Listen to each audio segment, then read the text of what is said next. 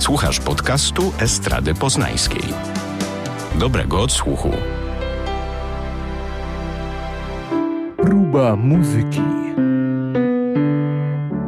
Zaprasza Kaja Jeryk.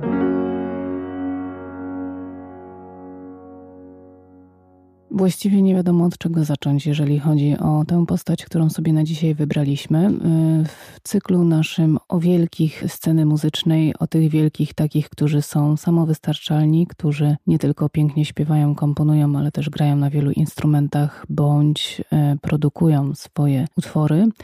No i ten, o którym dzisiaj chcemy rozmawiać, to jest y, człowiek legenda, więc właściwie y, oczywiście przytoczymy parę encyklopedycznych faktów. Absolutna ikona. Tak, ale myślę, że y, tutaj jest dużo więcej jeszcze oprócz samej muzyki, którą on tworzył, kontrowersji wokół niego, a mowa o człowieku, który się ukrywa pod pseudonimem Prince. Znany również pod pseudonimami The Artist, Joey Coco, The Kid, Alexander Never Nevermind, the artist formerly known as Prince, TAFKAP, Jamie Starr, Tora Tora, Christopher Tracy. A tak naprawdę nazywa się Prince Rogers Nelson. Wprost z Minneapolis, Minnesota. Tam właśnie w Stanach Zjednoczonych przyszedł na świat. E, tak, ale właśnie to jest ciekawe, że e, nazywa się Prince Rogers Nelson e, i tak samo nazywał się zespół, w którym grał jego ojciec, jazzowy zespół, bo jego ojciec e, biologiczny był pianistą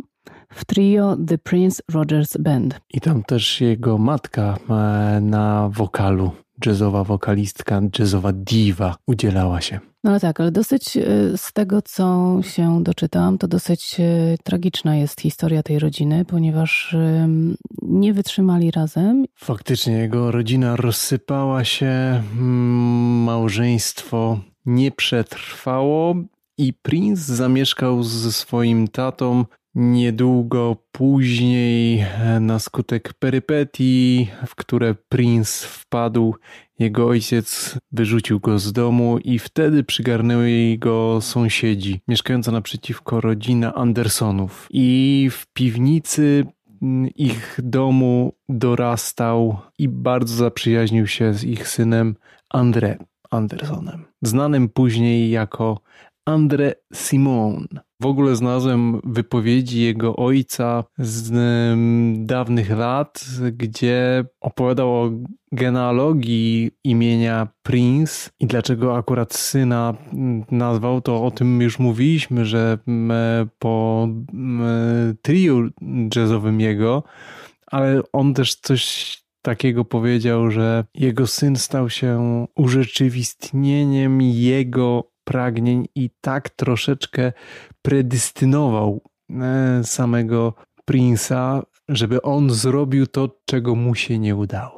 No, często tak jest wśród y, muzyków, którzy nie do końca są spełnieni, ale z tego y, wynika takie wnioski, można wyciągnąć, że y, Prince chyba od dziecka już był osobą dosyć trudną we współżyciu i taką bardzo indywidualną. I też pomimo tego, że właśnie pochodzi z, z takiej bardzo muzycznej rodziny, nie zdobył wykształcenia takiego klasycznego muzycznego, nie chodził do żadnej szkoły muzycznej, tak naprawdę wszystkiego nauczył się sam. Więc to tym bardziej jest naprawdę ogromny talent. Z całą pewnością. Myślę, że dużo dało też mu bytowanie na e, różnych imprezach, koncertach, te konotacje muzyczne, rodzinne, e, gdzieś w różnych sytuacjach e, koncertowych z pewnością odcisnęło piętno w jego rozwoju. Przypominam sobie jedno z bodaj ważniejszych wydarzeń w jego wczesnym życiu e, muzycznym. To było wspólne uczestnictwo z tatą w koncercie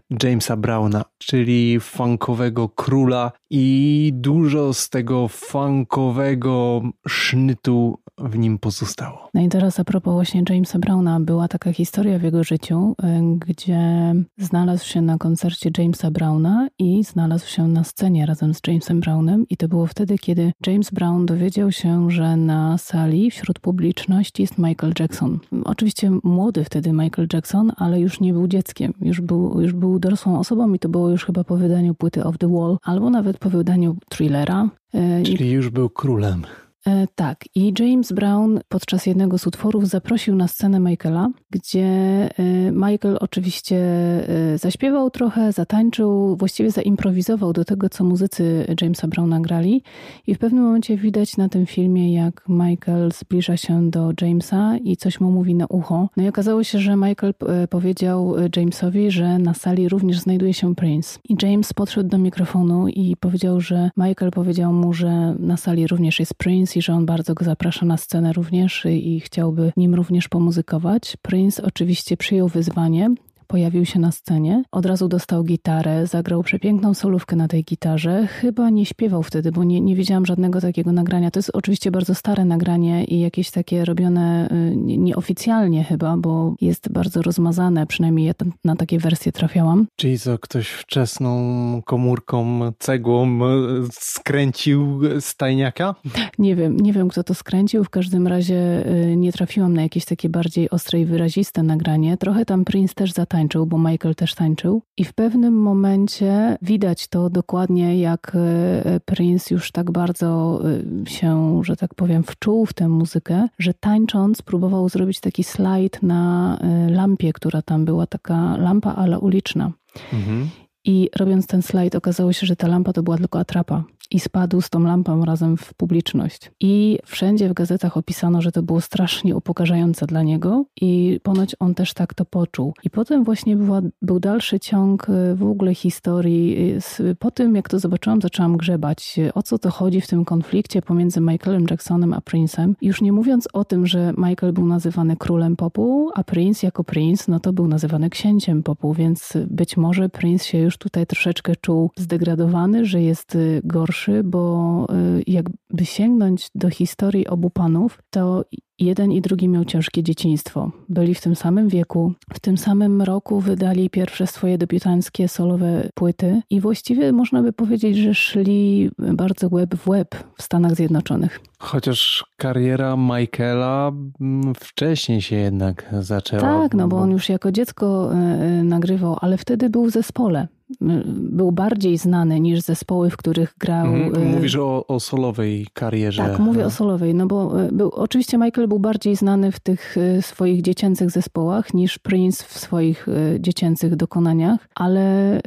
No, ale... ale faktycznie, obydwaj panowie końcówka lat 70. to wznoszące gwiazdy. No i później była taka sytuacja, że ponoć byli oni bardzo przez ówczesnych dziennikarzy porównywani. Być może to im bardzo źle zrobiło. Y, byli porównywani oczywiście muzycznie. Czyli dziennikarze muzycznie zrobili krecią robotę i nakręcali tę całą spiralę. Tak, no ale byli też porównywani nie tylko y, muzycznie, ale również tak wizerunkowo że jeden i drugi w wywiadach byli raczej, y, nie wiem czy można powiedzieć nieśmiali, bo, bo Prince nigdy się nie przyznawał do tego, że jest nieśmiały, Michael Jackson jak najbardziej tak. Prince raczej był taki stonowany, nie wiem jakby, jakby to nazwać, jakiego słowa użyć, y, bardziej może taki zrównoważony w swoich wypowiedziach, stonowany, ale sam nie uważał, że to jest nieśmiałość, bo, bo rzeczywiście czasami jak zarzucił tekstem, no to potrafiły one być naprawdę ostre, a Michael zawsze był taki z sercem na dłoni. Zresztą też y,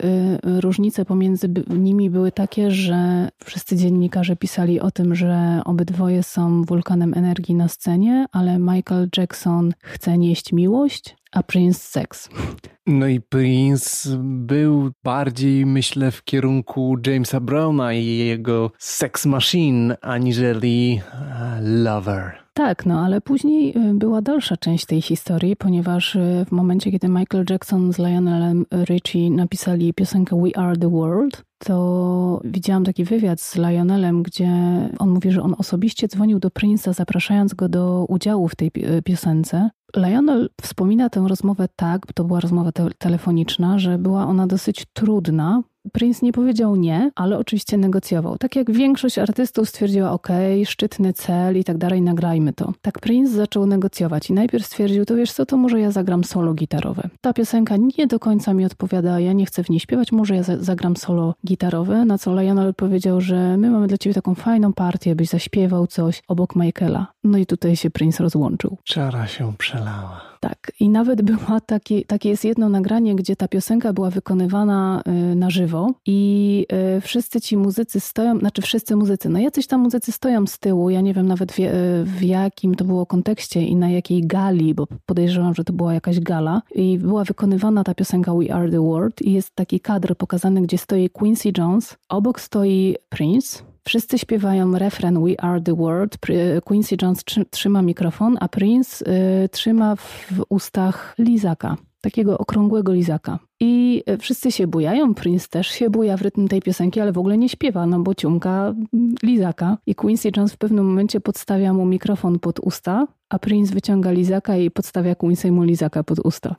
Taki gest po prostu na zasadzie i tak tego nie zaśpiewam. No i nie zaśpiewał. I później była jeszcze kolejna taka rzecz związana z Michaelem Jacksonem, gdzie... Grube animozje. Nie wiedziałem, że aż tak na noże szło. Między tymi dwoma bardzo utalentowanymi i rozrywkowymi artystami i gdzieś tam e, w sercu noszącymi podobne muzyczne inspiracje i chęci, żeby z tą muzyką docierać do jak największej liczby ludzi i poprzez nią otwierać serca i umysły. Tak, tylko że właśnie tak jak powiedziałeś, Michael był trochę bardziej popowy, Prince był bardziej funkowy, ale obydwoje przy, przyznają się do tych samych inspiracji. Ich inspiracją był James Brown, ich inspiracją był Stevie Wonder, ich przyjacielem i tak dalej. I obydwoje kochali tę samą muzykę, a Prince znaczy, to, to nie, nie, wiem, tak to odebrałam przez, przez te wszystkie jakieś tam wywiady, które, które obejrzałam, że to jednak Prince bardziej nie szanował Michaela niż odwrotnie, aczkolwiek też, tak jak mówiłeś, krecia robota dziennikarzy. Dziennikarze też to pod, podsycali w taki sposób, że na przykład w wywiadach z Prince'em stawiali takie tezy. Założę się, że wygrałbyś na pięści z Michaelem. Mhm. Tak więc tutaj no nie żyliśmy w tamtych czasach, tak żeby to obserwować. Ciekawa jestem, jak to było y, odbierane wtedy, pod koniec lat 70 i w latach 80. ta y, taka okrywana... szczuli, szczuli na siebie ich. Szczuli ich na siebie. I potem była, y, przyszła płyta Bad Michaela. I Michael z dużą y, ochotą przystał na propozycję producenta tej płyty, żeby do piosenki Bet, żeby zaprosić Prince'a. I tam nie wiem, czy pamiętasz, y, jak wygląda ten teledysk do tej piosenki, ponieważ wtedy Prince już też był po Purple Rain i on też już wtedy miał jakieś epizody takie aktorskie, nieudane moim zdaniem, ale bo Prince był doskonałym muzykiem, ale aktorem takim sobie. Mhm. Chociaż y, oprócz tam wielo, wielokrotnych nagród nagród Malin za to jego aktorstwo. Y, dostał nawet jakieś takie nagrody, które y, były, że tak powiem, pochwalne, ale, no, ale jednak aktorem był gorszym dużo niż muzykiem. Ale nie o tym tutaj mowa. W każdym razie był taki pomysł, żeby Prince y, wziął udział w, w nagraniu utworu Bad na płytę Michaela Jacksona i żeby wziął udział w, w teledysku. I Prince nawet sam się wypowiada, że dostał propozycję, żeby zagrać rolę tę samą, którą ostatecznie zagrał Wesley Snipes. Nie wiem, czy pamiętasz ten teledysk. Werble, werble, werble, ostatecznie Prince zlał temat. Tak, ponieważ e, nie wiem, czy pamiętasz, tam pierwszy werset tej piosenki to jest Your butt is mine. I Prince nawet stwierdził, że on może weźmie udział w, w tej piosence, ale kto, kto zaśpiewa ten wers? I on stwierdził, że, że jeżeli Michael będzie śpiewał ten wers, to on absolutnie w tym nie weźmie udziału. No i ostatecznie e, tę rolę bez śpiewania, oczywiście, bez podziału na rolę śpiewa, śpiewaną, wszystko zaśpiewał Michael, ale rolę e, tego przeciwnika Michaela, tak jakby w teledysku, w tym filmie takim krótkometrażowym, no bo to był ten teledysk, to był taki film, zagrał Wesley Snipes. Zresztą genialnie, bo to bardzo dobry aktor, no ale zaśpiewał całość Michael sam, no bo Prince po raz kolejny nie przyjął zaproszenia. Chociaż to ponoć nie był pomysł Michaela, tylko producenta. Nie wiem, czy Quincy'ego, bo producentem płyty Bad też był Quincy, ale no w każdym razie, czy to była propozycja wytwórni, w każdym razie taka propozycja padła i Prince po raz kolejny jej e, nie przyjął. A propos funkowych konotacji Prince'a, to też e, o czym nie wiedziałem. E, na początku lat 80., gdzie tam fala wznosząca, bardzo, bardzo mocno wznosząca kariery i popularności Prince'a miała miejsce, ale jeszcze nie na tyle, żeby był w tej kategorii The Star Number One. E, to okazuje się, że supportował czy otwierał koncert The Rolling Stones? Nope. Nie. No to też, Rolling Stones też. To, to też, ale teraz chciałem nawiązać do tych funkowych konotacji i otwarcia przez niego koncertu Ricka Jamesa. No proszę, a teraz to by pewnie było na odwrót. Zresztą ja, ja, nie wiem jak ty, ale w pewnym momencie tak zaczęłam y, czuć taki troszeczkę przesyt, ponieważ w pewnym momencie zaczęło mi się wydawać, że Prince wydaje wszystko, jaki tylkokolwiek przyjdzie mu pomysł do głowy, to on to po prostu od razu nagrywa i wydaje. Od razu przelewa na taśmę, przelewa na papier w program i leci faktycznie mnogość tych e, produkcji tutaj nie trzeba było czekać 10 lat, jak w przypadku D'Angelo, 5 czy 10 lat na kolejne posunięcie muzyczne. Tu było tego aż e, faktycznie za dużo aczkolwiek e, w tej mnogości też, też siła, bo ferii czasem średnich produkcji, no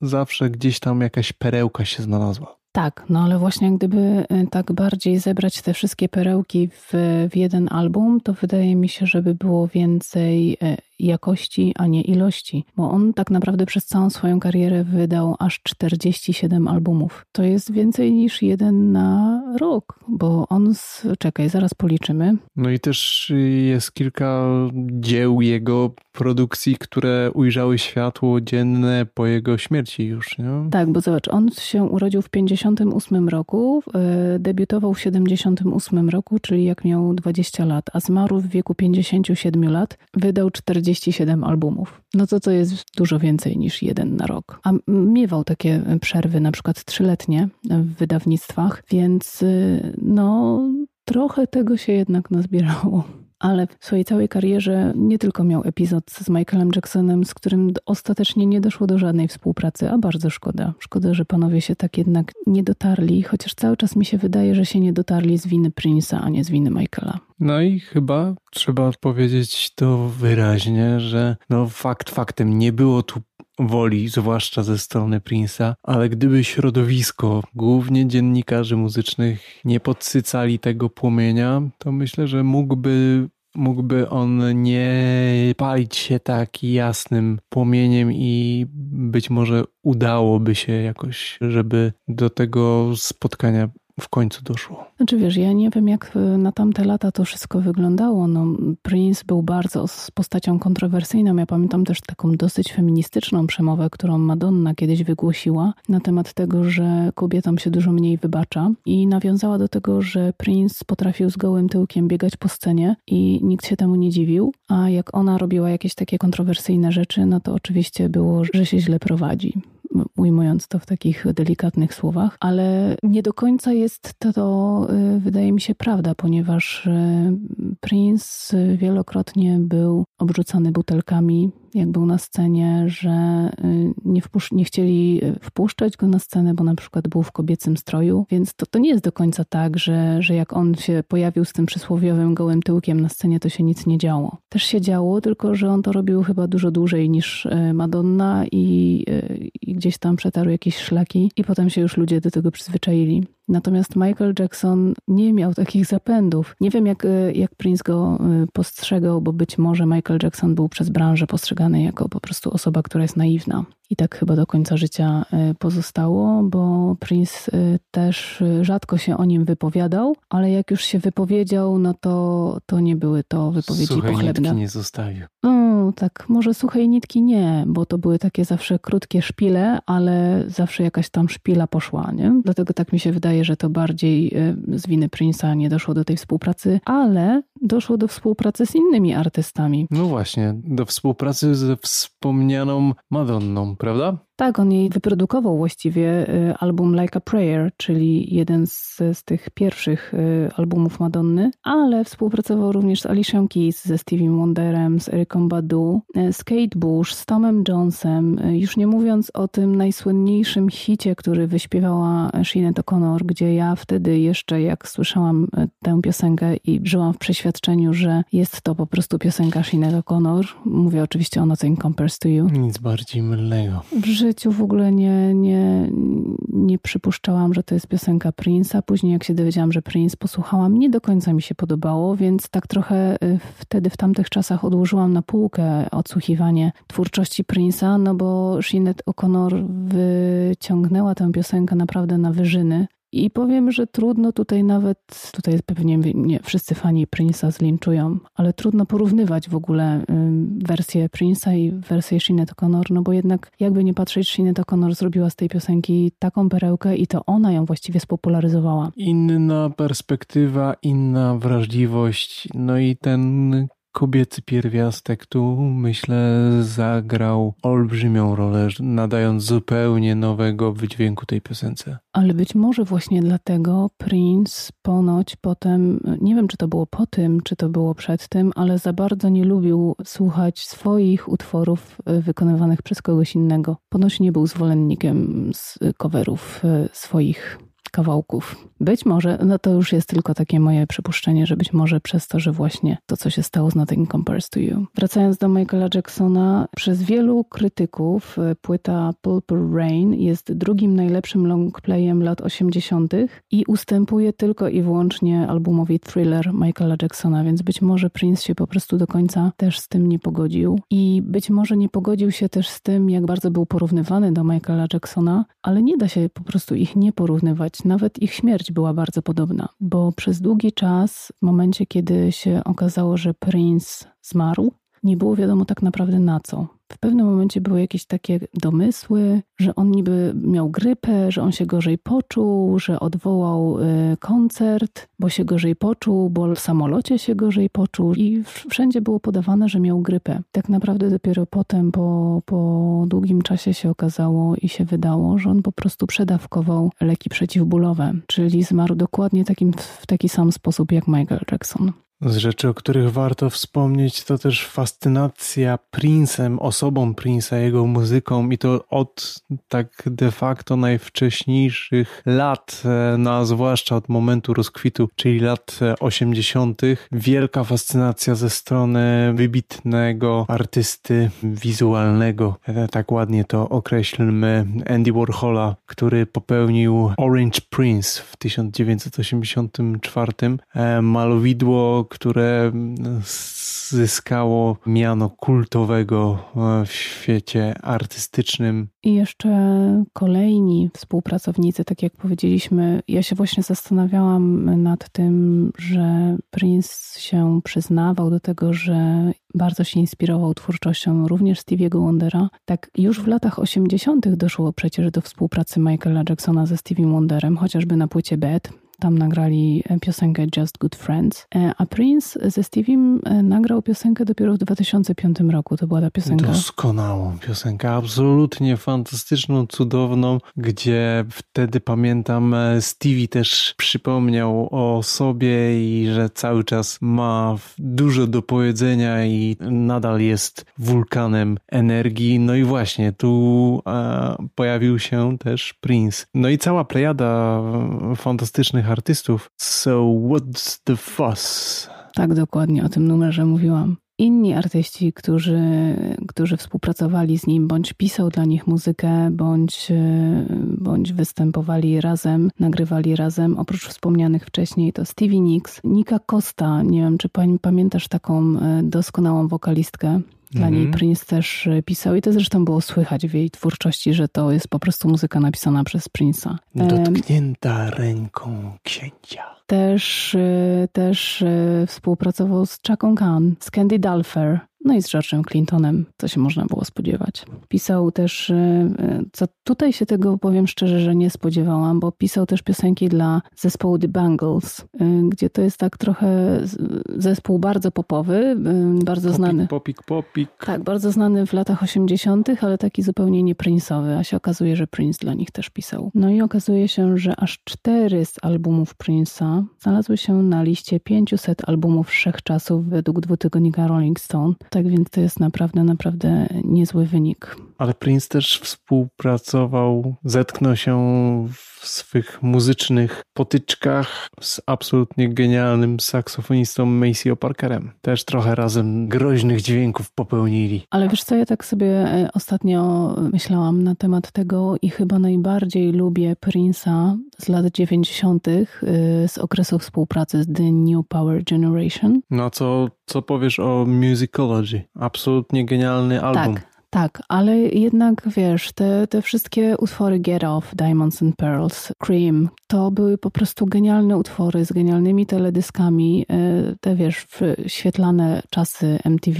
Wtedy oni po prostu wypłynęli z tą całą twórczością swoją wspólną e, i to był chyba, nie wiem, chyba komercyjnie nawet największy sukces Prince'a od czasów Purple Rain oczywiście. I Kiss ale wydaje mi się, że, że to była naprawdę doskonała e, współpraca. A jeszcze chciałam tylko powiedzieć, nawiązać do jednej rzeczy e, związanej właśnie z Michaelem Jacksonem również, z tym, co ich łączyło. Obydwoje byli tak jakby mieli poczucie i właściwie tak najprawdopodobniej tak było, że byli trybikami w wielkiej machinie, wielkie wytwórnie, wyczuły nosem te ogromne talenty i strasznie ich wykorzystywali obydwoje. Michael Jackson wiecznie o tym mówił i cały czas przestrzegał i mówił o tym, jak to źli są bosowie tych wszystkich wytwórni i jak żyłują artystów. Prince również e, o tym wspominał i również próbował walczyć z tym, nie tylko... Właśnie, bo on się chyba procesował. Tak, on nie tylko walczył z tym, y, robiąc sobie na przykład zdjęcia na okładkach z napisem slave na policzku, ale również właśnie w ten sposób, że zmienił pseudonim y, po to, żeby właśnie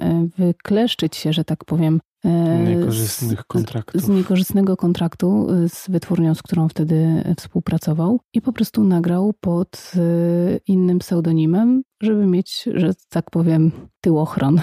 Zawsze bawiło mnie w pewnym momencie pojawiający się artysta dawniej znany jako Prince. No i co? No i tak to ugrał, że właściwie wydaje się, że trochę zagrał im na nosie. No i bardzo dobrze.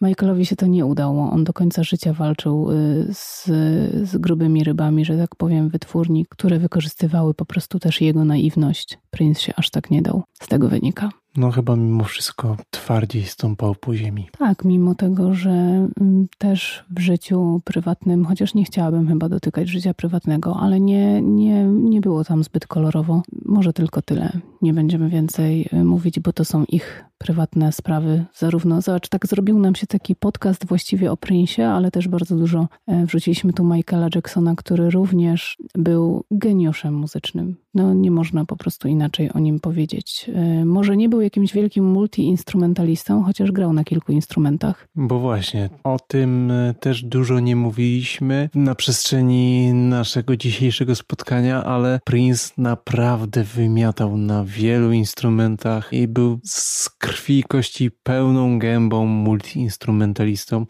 Oczywiście najbardziej rozpoznawalny jako solista gitarowy, bo na gitarze mm, robił cuda, ale na innych instrumentach również magia, magia się działa. Ja kojarzę jeden... Na basie a, też. Ja, tak, ja kojarzę jeden z e, wczesnych albumów, na którym e, bodaj na 20 siedmiu różnych instrumentach grał. I to właśnie on sam jeden. No, znaczy Michael Jackson nie wykorzystywał swojej umiejętności gry na instrumentach e, w swojej twórczości, ponieważ nie był wirtuozem na żadnym z tych instrumentów, ale potrafił grać, potrafił e, grać na fortepianie. No ale on z kolei był, chociaż Prince też był doskonałym tancerzem nie, nie aż tak doskonałym tak. Jak, jak Michael. No Michael doszedł do, do, po prostu do swojego stylu, który... Michael doszedł do perfekcji, do, wykształcił swój styl i tym stylem zarażał też, nie? Tak. Oryginalnością kroków i wprowadzając zupełnie niespotykane dotąd e, ruchy, elementy ruchów, jak chociażby e, rzecz, która przeszła do pop kultury jak moonwalk. Tak, chociaż moonwalk ponoć nie jest wymysłem Michaela. On sam, on sam o tym mówił, że on po prostu to... Rozwinął. Rozwinął, tak, że on podglądał dzieciaki gdzieś tam z, z, z, ulic, które próbowały różnych stylów tańca, no i Freda Astera też, i że to się po prostu tak pojawiło, on to po prostu dopracował, doprecyzował i zrobił z tego tak, że to rzeczywiście ta iluzja powstała, ale że to nie on jest pomysłodawcą tego. No ale nie o Michaelu miało być. Nie o Michaelu, a o Prince'ie, ale jeden i drugi, ośmielę się powiedzieć, kosmitami byli, ale w jak najbardziej pozytywnym tego słowa znaczeniu. Byli gwiazdami rozświetlającymi nieboskło. Tak czekałam, co ty tam wymyślisz. Jeszcze wracając do tego dziennikarza, w sumie z drugiej strony nie dziwię się też Prince'owi, że się trochę wściekał, bo jeżeli dziennikarz przeprowadza z nim wywiad i pod, podjudza go tekstem, że założę się, żebyś wygrał y, walkę na pięści z Michaelem Jacksonem, w momencie, kiedy Prince nic na to nie odpowiada, tylko spuszcza głowę, dziennikarz ciągnie dalej i mówi, no jak, no jesteście podobnej postury, jesteście podobni muzycznie, jesteście podobni głosowo, bo potraficie i śpiewać piersiowo i falsetem. Tak jakby to było podstawą do tego, żeby sobie rościć prawo, że teraz macie po prostu stanąć w ringu i czy to jest... Lać się po mordach. I czy to jest w tym takim dosłownym ringu, czy w ringu muzycznym, no trochę bez sensu. Trochę bez sensu. Każdy z nich był zupełnie inny. Każdy, pomimo tych podobieństw, każdy z nich tworzył niepowtarzalną, przepiękną muzykę. Każdy wytyczał swoją ścieżkę. I szkoda, że ich obu już nie ma z nami i szkoda, że jednak się nie uda i nie, nie dojdzie już nigdy do współpracy, żeby nagrali coś razem. Zrobiło nam się trochę sentymentalnie, ale zdecydowanie Prince był księciem muzyki wielogatunkowej, bym powiedział, i człowiekiem orkiestrą. Tak, zrobiło się to sentymentalnie, ale do playlisty naszej dobierzemy parę takich kawałków, gdzie nóżka chodzi, więc się zrobi weselej. Tymczasem dziękujemy za dzisiejsze spotkanie, no i nie możemy się doczekać kolejnego. Dzięki, do usłyszenia. Do usłyszenia. Producentem podcastu jest Estrada Poznańska. Więcej na estrada.poznan.pl Próba muzyki. Zaprasza Kaja Jeryk.